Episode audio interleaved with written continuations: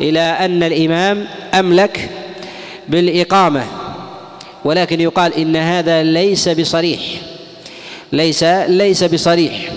وقد يقال إن أصرح منه ما جاء رسول الله صلى الله عليه وسلم في قوله لا تقوموا حتى تروني. ولكن هذا قد يقال إنه في الإمام الأعظم الذي قد جمع بين الإمامة العظمى إمامة الناس في الصلاة. وهذا يكون في حال رسول الله صلى الله عليه وسلم وفي حال الخلفاء الراشدين كأبي بكر وعمر وعثمان وعلي بن أبي طالب وأضرابهم. وأما غيرهم فهل يدخلون في الحكم أم لا؟ هذا محل محل كلام في مسألة الإقامة. فإننا إذا قلنا إنهم يدخلون في الحكم فإنه لا يحق للمؤذن أن يضع ضابطا في الوقت يؤذن فيه إذا تأخر الإمام. فيكون حينئذ الضابط في ذلك الوقت وليس الضابط وليس الضابط الإمام. فإذا ضبط الوقت بشيء وخرج الإمام منه لم يكن هو الحكم الحكم في ذلك. ولهذا نقول بأن هذا الحديث صراحة عن رسول الله صلى الله عليه وسلم هكذا كما في حديث أبي هريرة منكر. كما في حديث أبي هريرة منكر عن رسول الله صلى الله عليه وسلم. الحديث الثاني هو حديث عبد الله بن عمر عليه رضوان الله أنه قال قال رسول الله صلى الله عليه وسلم المؤذنون أحق بالإقامة والأئمة أحق بالأذان وهذا الحديث حديث منكر أيضا فقد رواه أبو الشيخ من حديث معل بن عباد عن يحيى بن أبي الفضل عن أبي الجوزاء عن عبد الله بن عمر عن رسول الله صلى الله عليه وسلم. وهذا الحديث قد تفرد به معلى ابن عباد. وقال فيه الإمام أحمد رحمه الله لا أعرفه وضعفه أبو حاتم والبخاري والدار قطني وغيرهم. وقال أبو زرعة منكر الحديث وله أحاديث تستنكر عليه. قد تفرد بهذا الحديث من هذا من هذا الوجه. له أحاديث منكرة لا يقبلها العلماء. من ذلك ما أخرجه الإمام الترمذي رحمه الله من حديث أحمد بن الحسين أنه قال كنا عند أحمد بن حنبل رحمه الله فجاء الحديث في مسألة على من تجب على من تجب صلاة الجمعة. فلم يذكر فيه أحمد بن حنبل شيئا عن رسول الله صلى الله عليه وسلم قال فقلت له فيه حديث عن رسول الله.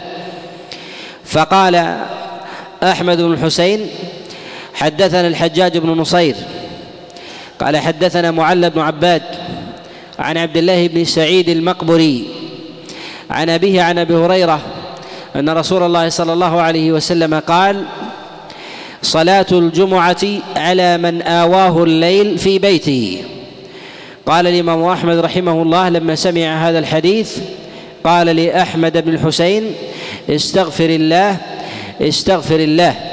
أو قال له استغفر ربك استغفر ربك وذلك لنكارة متنه وقد بين الترمذي رحمه الله أن الإمام أحمد رحمه الله إنما أعل هذا الحديث وذلك لضعف إسناده. وإنما ضعف إسناده لتفرد معل بن عباد به وله مفاريد لا يوافق عليها منها ما رواه الطبراني كما في كتابه المعجم الكبير من حديث معل بن عباد. وذلك أن رسول الله صلى الله عليه وسلم يقول أن من أحسن الإمامة كان له أجر أجر من خلفه. وهذا الحديث لا يروى عن رسول الله صلى الله عليه وسلم إلا من هذا الوجه وهو حديث وهو حديث منكر لا يتابع لا يتابع عليه معل بن عباد وقد رده غير واحد من العلماء. وهذا وهذا الراوي وهو معل بن عباد بتفرده بهذا الحديث وأمثاله يرد نرد جميع حديثه. وبهذا نعلم أن العلماء لديهم قاعدة في رد مفاريد أن الراوي إذا تفرد بمتن كبير يستنكر. التبعة في فقهه والتفرد والتفرد بحكمه ثقيلة. يرد مجموع حديثه. وذلك أن المفاريد عند العلماء في رد أحاديث الرواة بها على ضربين أو على صنفين. الصنف الأول أنهم ينظرون إلى مفاريد الرواة كثرة وقلة. أنهم ينظرون إلى مفاريد الرواة كثرة وقلة. فإذا كثرت مفاريد الراوي طرحت حديثه. فإذا كان له مثلا عشرة حديث أو عشرين أو ثلاثين وتفرد بخمسة فإن هذا يطرح حديثه ويحكم عليه بالضعف. ويحكم عليه بالضعف لأن الخمسة من العشرة والثلاثين كثيرة. فيرد بها الحديث. وأما إذا كان له حديث واحد وقد روى عشرين وثلاثين ونحو ذلك فإن هذا فإن هذا لا يرد به لا يرد به الحديث الذي يتفرد به. والنوع الثاني أو الصنف الثاني أن ينظر إلى عظم ما تفرد به. النوع الثاني أن ينظر إلى عظم ما تفرد به. فإذا تفرد بشيء ثقيل من المعاني لا يفوت على فقيه وعلى راوي حافظ فإن هذا يطرح حديثه. فالواحد منها يطرح الخمسين والمئة. وذلك أن مثل هذا لا يمكن أن ينطلي على حافظ الناقد وعلى بصير. ولهذا الأئمة رحمهم الله ينظرون إلى تفرد الراوي من جهة نوعه ومن جهة كمه. ومعلى ابن عباد يتفرد بالأحاديث عن رسول الله صلى الله عليه وسلم وهذا الحديث حديث ثقيل. وهذا الحديث حديث ثقيل في فضل الإمامة. والإمامة يتنافس فيها الناس وأمثال هذا الفضل ينبغي أن ينتشر عند أهل العلم والعبادة والديانة والتنافس في ذلك. كذلك في مسألة الإقامة وحقية الإمام والمؤذن فيها والفيصل في ذلك فإن هذا من المسائل المهمة التي يحتاج إليها. ولهذا قد ذكر بعض النقاد في بعض الرواة حينما تفرد بحديث قال هذا الحديث يطرح له خمسمائة خمسمائة من خمسمائة حديث يرويها عن رسول الله صلى الله عليه وسلم. وهذه التفردات التي يتفرد بها إذا كانت تحمل معنى ثقيلا على النبي صلى الله عليه وسلم طرحت طرحت حديثه. وهذا ما ينبغي أن ينظر إليه عند مفاريد عند مفاريد الرواة وثمة قرائن يقبل فيها تفرد الراوي وهذا قد تقدم الإشارة إلى شيء من من مجموعها. من هذه القرائن التي يقبل فيها تفرد الراوي يقبل فيها تفرد الراوي إذا تفرد بحديث. أن يكون من طبقة متقدمة فالطبقة المتقدمة يقبل فيها التفرد. الأمر الثاني أن يكون من المكثرين. أن يكون من المكثرين بالرحلة ولقاء الشيوخ والأخذ عنهم فإن هذا يحمل منه التفرد أكثر من غيره. وذلك كابن شهاب الزهري فإن الإمام مسلم رحمه الله ذكر عنه أنه تفرد بسبعين سنة. وهذه السبعين لا يحمل لا يحمل عشر ولا لا يحمل عشرها إذا رواه إذا رواها غير الزهري. وذلك لأن الزهري من أئمة الرواية والإكثار وكذلك الرحلة في البلدان فلما فلما تفرد بمثل هذا حمل منه لماذا؟ لأن أحاديثه بالآلاف فأن يتفرد بالسبعين يقبل هذا كذلك أيضا مع تقدمه. ومن القرائن في ذلك أن يكون الراوي من أهل الاختصاص بالرواية عن شيخه فإن هذا مما يحمل عليه. من القرائن أيضا أن يكون المتفرد بتفرده بحديث من الأحاديث في بلد يحمل منها التفرد وذلك كمكة والمدينة إذا تفرد ببعض الأحاديث عن غيرها من البلدان كتفرد المدنيين والمكيين عن غيرهم في بعض الأحاديث.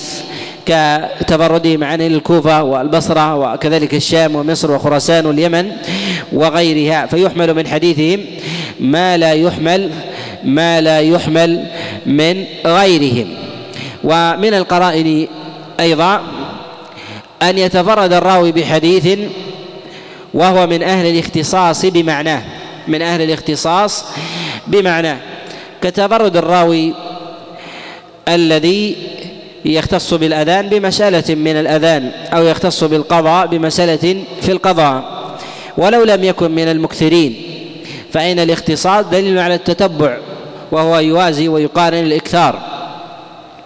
فلهذا يؤكد على معرفة حال الراوي واختصاصه بمهنة أو حرفة أو بمسائل معينة يتفرد عن غيره من أهل طبقته بها.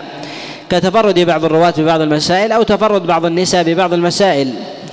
وكتفردهن ببعض المسائل من الطلاق أو بعض الطهارة الخاصة بهن ونحو ذلك. فإن هذا في الغالب يكون من خصائص من خصائص النساء وقد تقدم الإشارة إلى شيء إلى شيء من هذا. الحديث الثالث هو حديث سلمان الفارسي عليه رضوان الله أن رسول الله صلى الله عليه وسلم قال قال إذا كان الرجل في قي من الأرض يعني في فلات فتوضأ أو تيمم فأذن وأقام فصلى صلى خلفه من خلق الله ما لا يرى ما لا يرى طرفاه. ما لا يرى طرفاه. هذا الحديث رواه النسائي في كتابه السنن الكبرى في كتاب المواعظ منه كما في رواية حمزة الكناني ورواه ابن أبي شيبة وعبد الرزاق في مصنفيهما ورواه عبد الله بن مبارك كما في كتاب الزهد ورواه البيهقي. وغيرهم من حديث المعتبر بن سليمان. عن أبيه سليمان التيمي عن أبي عثمان النهدي عن سلمان مرفوعا إلى رسول الله صلى الله عليه وسلم. وهذا الحديث رفعه خطأ والصواب فيه الوقف. والصواب فيه والصواب فيه الوقف.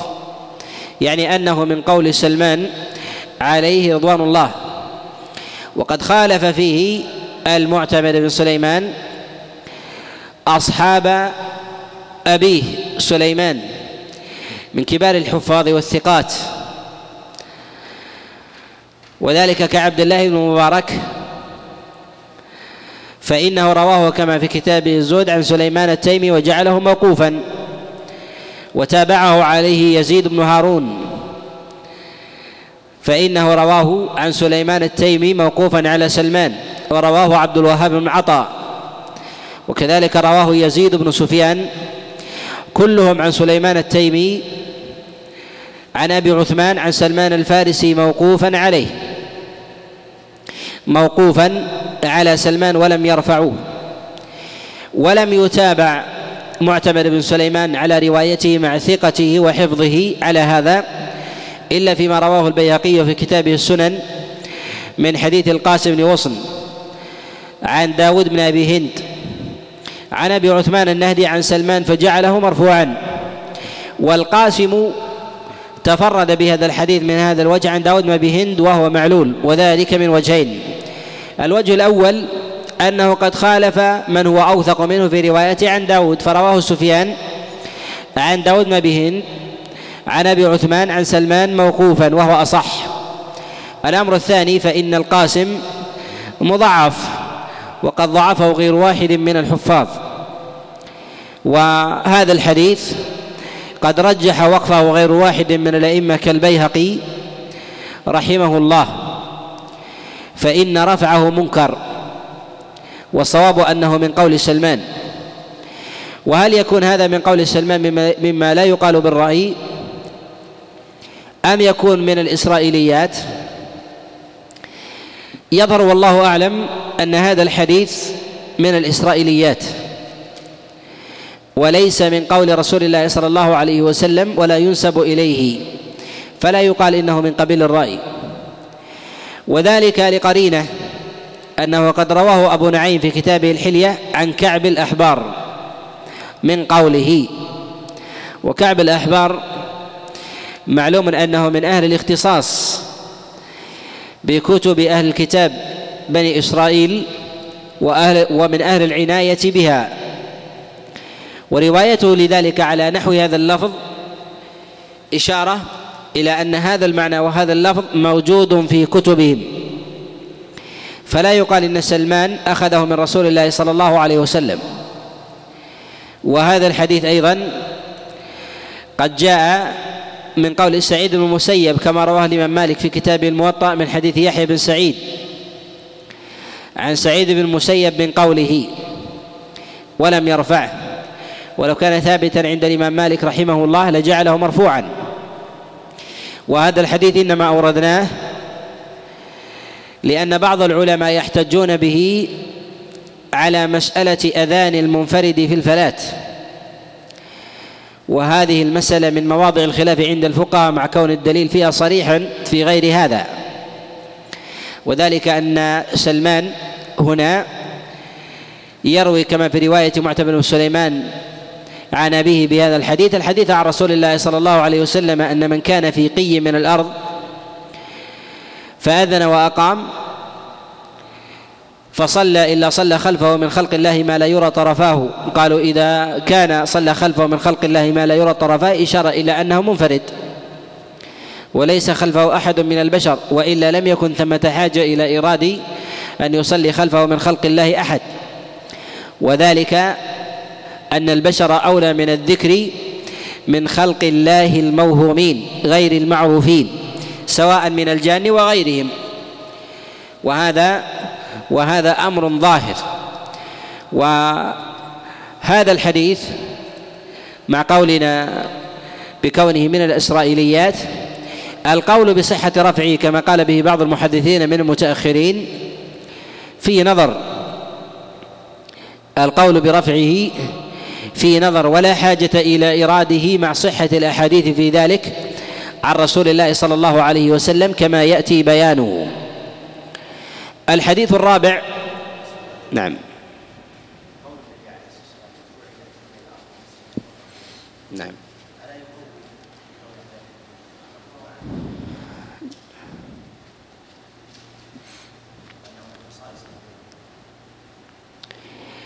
يقول قول النبي صلى الله عليه وسلم وجعلت لي الأرض مسجدا وطهورا.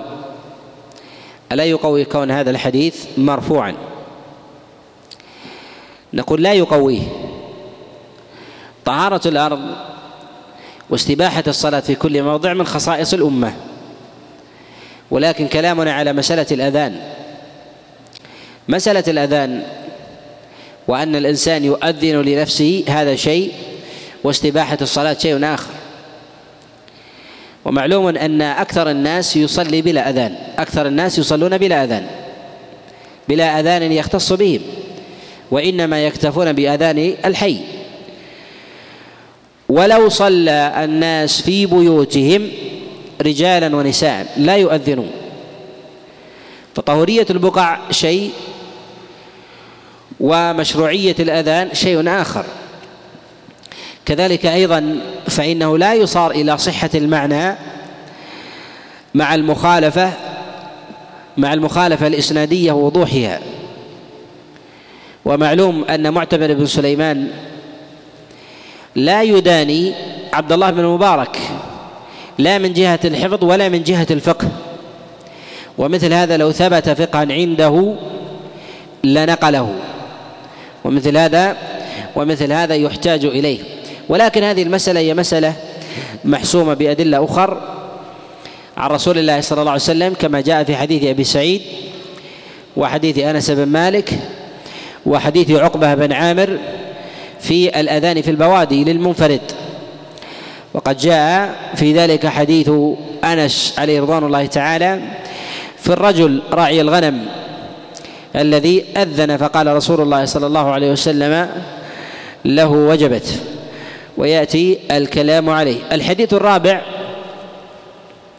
حديث عبد الله بن عمر عليه رضوان الله عن رسول الله صلى الله عليه وسلم أنه كان إذا كان في سفر لا يؤذن إلا في الجماعة ويقيم لكل صلاة. ويقيم لكل صلاة. هذا الحديث أخرجه الحاكم في كتابه المستدرك من حديث نعيم بن حماد الخزاعي عن عبد العزيز بن محمد الدراوردي عن عبيد الله بن عمر عن نافع عن عبد الله بن عمر به مرفوعا. وهذا الحديث خبر منكر والصواب فيه الوقف. الصواب فيه الوقف. تفرد به نعيم بن حماد عن عبد العزيز الدراوردي وخولف في ذلك. وسائر أصحاب عبد الله بن عمر يروونه عنه موقوفا يروونه عنه موقوفا وكذلك أصحاب نافع. فقد رواه عن عبد الله بن عمر موقوفا عليه جماعة. رواه نافع مولى عبد الله بن عمر وسالم بن عبد الله بن عمر وأيوب بن تميم السختياني والقاسم بن محمد وأبو الزبير. كلهم يروونه عن عبد الله بن عمر موقوفا عليه وهو مشتهر عنه. وقد رواه مالك في كتابه الموطأ عن نافع عن عبد الله بن عمر موقوفا. والإمام مالك أبصر الناس بحديث عبد الله بن عمر. وقد جاء أيضا عند عبد الرزاق في كتابه المصنف من حديث عبد الله بن عمر العمري عن نافع عن عبد الله بن عمر موقوفا. وجاء أيضا في المصنف من حديث الزهري عن سالم عن عبد الله بن عمر. وجاء أيضا من حديث الزهري عن نافع وجاء أيضا من حديث معمر عن نافع عن عبد الله بن عمر. وهذا كله يؤكد أن الحديث موقوف على عبد الله بن عمر وليس بمرفوع وعمله في ذلك مشهور. وإنما قال عبد الله بن عمر عليه رضوان الله بذلك ليس نفيا للأذان على الإطلاق في حال السفر وإنما نفيا للفائدة من الأذان في حال المنفرد فإنه يرى ذلك للجماعة والجيش. إذا كانوا في سفر فإنه يؤذن فيهم ولهذا جاء عنه أنه سئل عن أذان المنفرد في السفر فقال تؤذن لمن؟ تؤذن للفأر. يعني أنه لا يرى ذلك للمسافر المنفرد. وهذا ذهب إليه بعض الفقهاء من المالكية وغيرهم. والصواب في ذلك أنه من قول عبد الله بن عمر ولا يصح مرفوعا. وإنما قلنا بنكاره بنكارته سندا وذلك لتفرد نعيم بن حماد به عن الدراوردي عن عبيد الله مخالفا في ذلك سائر من يرويه عن نافع. وسائر من يرويه عن عبد الله بن عمر. وقلنا بنكارته متنا لمخالفته ما جاء عن رسول الله صلى الله عليه وسلم. فإن ثابت عن النبي عليه الصلاة والسلام مشروعية الأذان في السفر للمنفرد. أما بالنسبة لمشروعية الأذان للمسافر إذا كان معه غيره فهذا الأدلة في ذلك كثيرة عن رسول الله صلى الله عليه وسلم. وهي ثابتة في الصحيحين وغيرهما. وأما بالنسبة للمنفرد إذا كان مسافرا فقد جاء في ذلك جملة من الأحاديث عن رسول الله صلى الله عليه وسلم. منها ما جاء في صحيح الإمام مسلم من حديث أنس بن مالك أن رسول الله صلى الله عليه وسلم سمع مؤذنا يؤذن. فلما انتهى الأذان قال رسول الله صلى الله عليه وسلم وجبت فنظر فيه فإذا هو راعي معزاء وجاء هذا أيضا في حديث أبي سعيد الخدري. وجاء أيضا في حديث عقبة ابن عامر. وروي عن بعض السلف التخير في هذه المسألة. إذا كان منفردا يؤذن أم لا. ولكن هذا الفضل الذي ورد عن رسول الله صلى الله عليه وسلم في الأذان المنفرد في حال سفره دليل على دليل على مشروعية ذلك. والمتن رفعه منكر والوارد عن الصحابة في ذلك يحمل على الاجتهاد. يحمل على على الاجتهاد. ولا يحمل على التشريع. وأما من قال إنما جاء في قول عبد الله بن عمر موقوفا عليه يؤيد المرفوع فهذا الاحتجاج باطل. وذلك أن الموقوف أعل به المرفوع فلا يعضد المرفوع الموقوف لأنه هو الذي أعله فكيف يبرئه من العلة؟ الحديث الخامس هو حديث بلال عليه رضوان الله تعالى قال أمرنا رسول الله صلى الله عليه وسلم إذا اذنا ألا تزل أقدامنا عن مواضعها. وفي إشارة إلى الثبات في ذات الموضع. وهذا الحديث رواه ابن عدي في كتابه الكامل ورواه البيهقي. من حديث الحسن بن عمارة عن طلحة بن مصرف عن سويد بن غفلة عن بلال عن رسول الله صلى الله عليه وسلم والحديث في ذلك منكر. والحديث في ذلك في ذلك منكر. والنكارة فيه لتفرد الحسن بن عمارة بهذا الحديث وقد أعله بالتفرد بن عدي وكذلك الدار قطني. في كت... والدار قطني في كتابه الأفراد. والحسن بن عمارة متروك الحديث. وقد تفرد به ومثل هذا المعنى يحتاج إليه. ومثل هذا المعنى يحتاج إليه. سعود. أعل متن الحديث.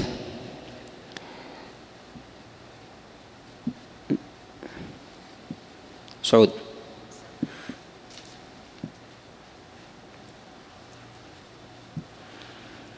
أمرنا رسول الله صلى الله عليه وسلم ألا تزل أقدامنا عن مواضعها في الأذان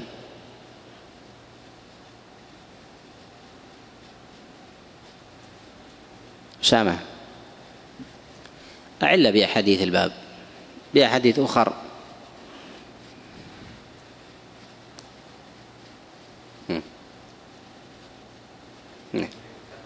في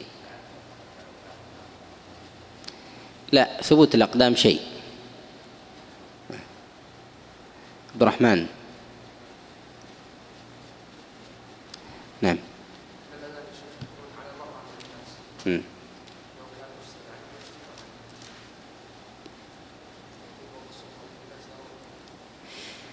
الأمر عن رسول الله صلى الله عليه وسلم يقتضي الوجوب خاصة في العبادات. القرينة الأخرى أن النبي صلى الله عليه وسلم قال أمرنا والأمر يتوجه إلى إلى الجماعة سواء كان بلال أو غير بلال. يعني أذنتم في حال الحضر أو اذنتم في حال السفر ألا تزل أقدامكم.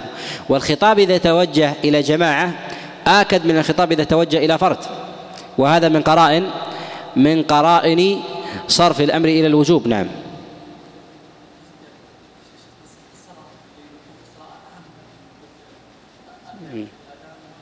سنت نعم.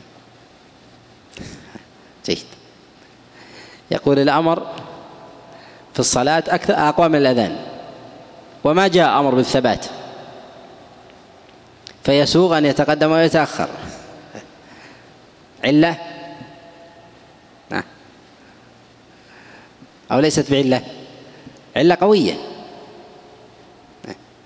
ها. سعود. عبد الرحمن. مثل هذا يشتهر لأنه ما من أحد إلا ويؤذن في حال سفر أو في حال إقامة. كذلك أيضا مجموع ما جاء في أذان الصحابة على الرواحل. على الرواحل كانوا يؤذنون وهذا يمشي. وإلا لا يمشي. وفي قوله أيضا ألا تزل أقدامنا إشارة إلى أنه قائم يعني يجب عليه القيام. يجب عليه يجب عليه القيام. وجاء في ذلك عن غير واحد من السلف من الصحابة والتابعين جواز الأذان للقاعد. وإذا كان الأمر ينصرف على هذا الأمر فنقول ب لا بحتمية ظهوره عن رسول الله صلى الله عليه وسلم حتما. إذا كان إذا كان قد ورد عنه. ولكن نقول بأن هذا الحديث منكر. نقول بهذا أن هذا الحديث الحديث منكر. من يوجد وجه؟ عبد الله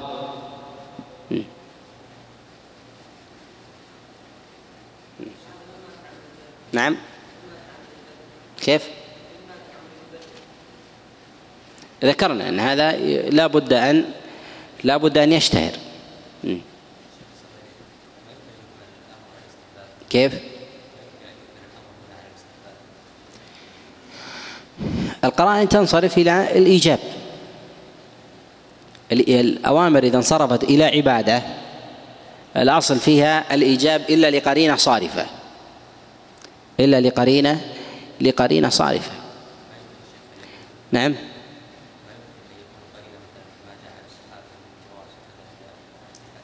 كيف؟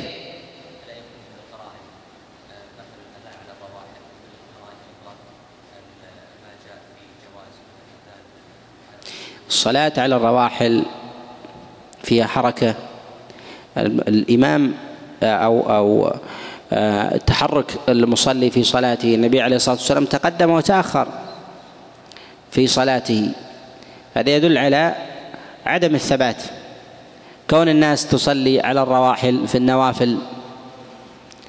ومعلوم أن الأذان يكون من النافلة في بعض الأحيان على الناس. كحال السفر. مثلا ما لا حرج على الإنسان إعادة أذان قد أذن السابق كما جاء معنا في حديث أبي محذورة عليه رضوان الله. لهذا نقول إن هذا الحديث منكر إسنادا ومنكر ومنكر مثلا. من يعيد الأحاديث التي ذكرناها ولو على غير الترتيب؟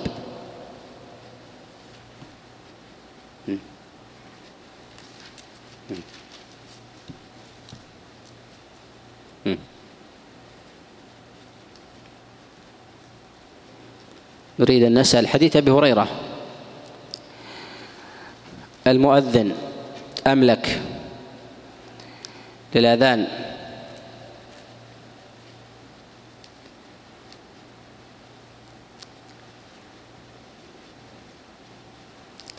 الأخوان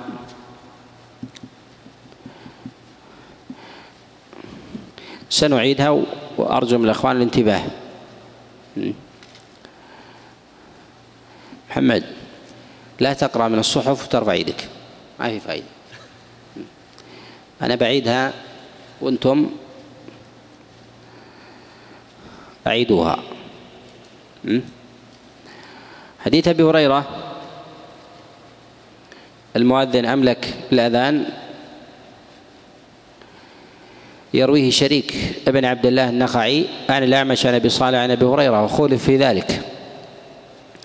خالفه جميع أصحاب الأعمش. سفيان الثوري ومحمد بن فضيل ومحمد بن عبيد وأبو معاوية وأبو الأحوص وحفص بن غياث وغيرهم كله كلهم يروونه عن الأعمش عن أبي صالح عن أبي هريرة بلفظ الإمام ضامن. وقد عل هذا الحديث غير واحد كابن عدي في كتابه الكامل. وأما